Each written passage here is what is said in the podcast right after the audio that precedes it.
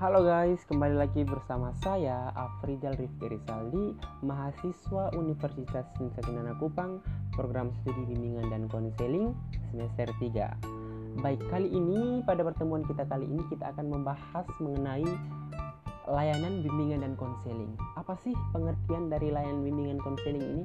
Tetapi sebelum kita masuk ke materi kita mengenai layanan bimbingan konseling, saya ingin uh, memperjelas atau menekankan pandangan orang yang salah mengenai guru bimbingan dan konseling.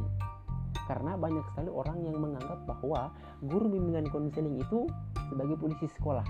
Nah, di sini saya akan membahas saya akan menjelaskan bahwa guru BK itu sebenarnya bukan polisi sekolah, bukan seperti anggapan dari uh, siswa-siswa atau anggapan dari orang-orang lain yang mengatakan bahwa guru BK itu adalah polisi sekolah. Baik, kita langsung mulai saja. Ada yang menafsirkan bahwa bimbingan konseling itu adalah tempat menyelesaikan masalah, tempat pemberian hukum. Ada pula yang menganggap bahwa bimbingan konseling ini merupakan tempat yang menyeramkan dan menakutkan. Nah, kenapa siswa atau peserta didik itu berpikiran seperti begini. Karena mereka menganggap bahwa guru bimbingan konseling itu galak. Guru bimbingan konseling itu garang. Dan guru bimbingan konseling itu sadis bahkan bertindak kekerasan secara fisik sehingga hal tersebut menimbulkan kesan bahwa guru bimbingan konseling itu adalah polisi sekolah. Sebagai contoh ketika ada siswa yang datang terlambat ke sekolah Nah, ketika siswa yang terlambat datang ke sekolah ini, tentunya pasti akan dipanggil ke ruang BK untuk menghadap konselor atau guru BK.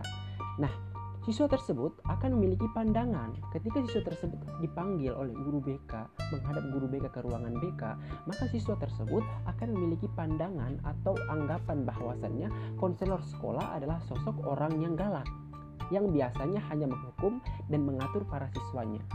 Nah, pandangan siswa terhadap konselor atau pandangan siswa terhadap guru BK terjadi karena siswa tersebut memperhatikan sesuatu yang nampak pada diri konselor yang meliputi penampilan fisik, perilaku, dan juga ruang lingkup kerja atau tugas konselor.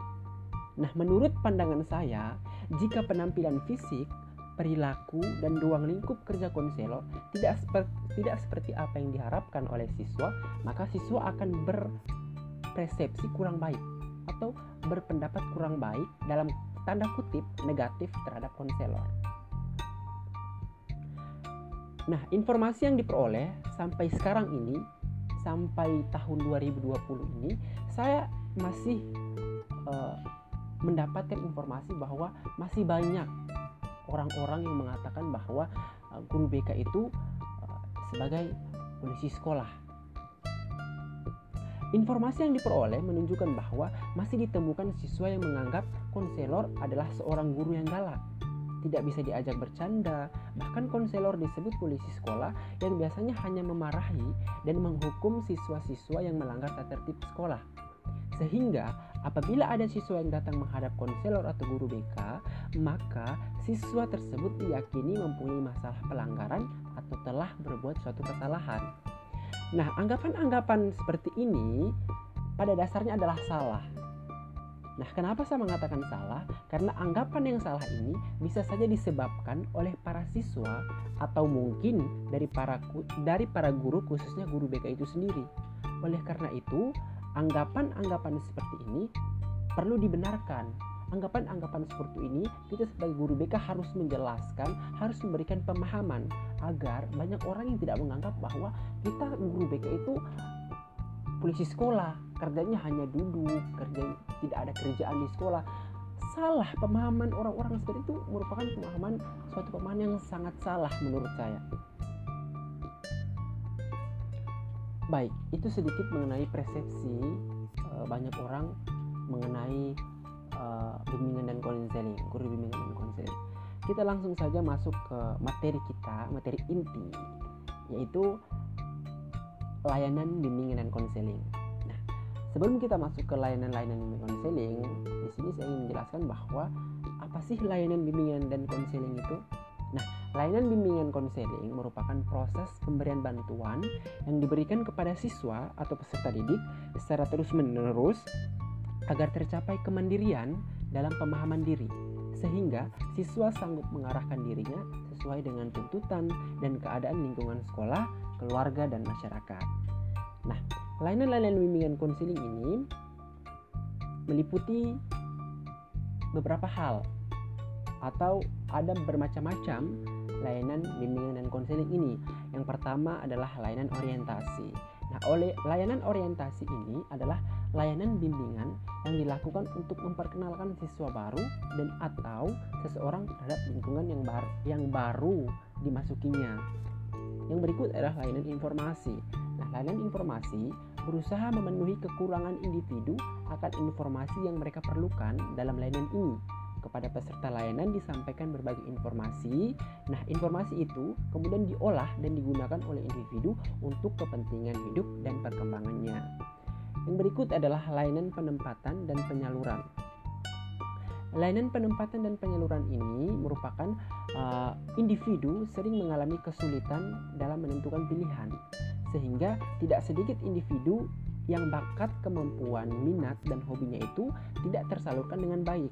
Nah, individu seperti ini tidak mencapai perkembangan secara optimal karena mereka memerlukan bantuan atau bimbingan dari orang-orang dewasa, terutama guru BK atau konselor dalam menyalurkan potensi dan mengembangkan dirinya. Yang berikut adalah layanan penguasaan konten.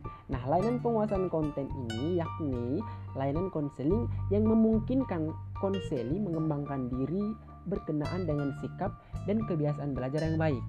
Nah, materi pelajaran yang cocok dengan kecepatan dan kesulitan belajarnya, serta berbagai aspek tujuan dan kegiatan belajar lainnya.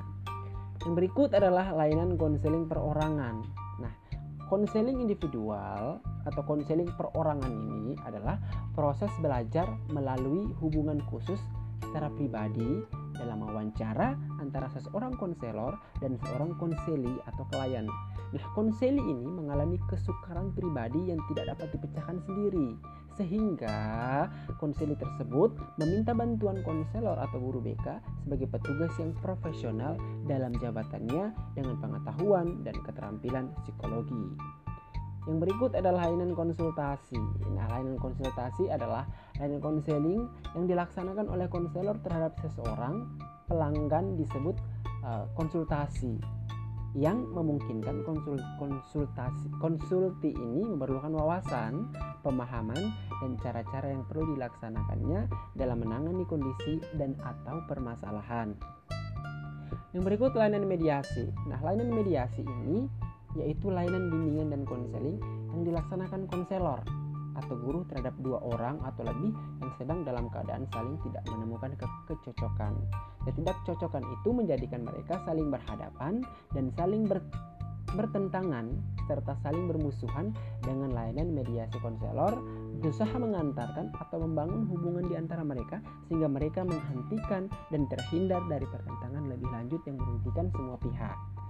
Yang berikut layanan advokasi. Nah, layanan advokasi ini adalah layanan bimbingan dan konseling yang membantu konseli untuk memperoleh kembali hak-hak dirinya yang tidak diperhatikan dan atau mendapat perlakuan yang menyalahkan menyalahi hak-haknya. Baik, itu sedikit uh, penjelasan mengenai materi layanan bimbingan konseling. Semoga apa yang saya jelaskan hari ini dapat bermanfaat bagi kita semua dan apa yang saya jelaskan ini dapat kita dapat kita praktikkan dalam kehidupan kita sehari-hari dan apa yang telah kita dapatkan ini dapat kita bagikan kepada orang-orang lain yang belum memahami atau masih ber, berpandangan uh, yang buruk mengenai bimbingan dan konseling ini. Sekian dari saya, saya Afrizal Rifki Rizaldi, mohon pamit undur, undur diri. Selamat sore untuk kita semua.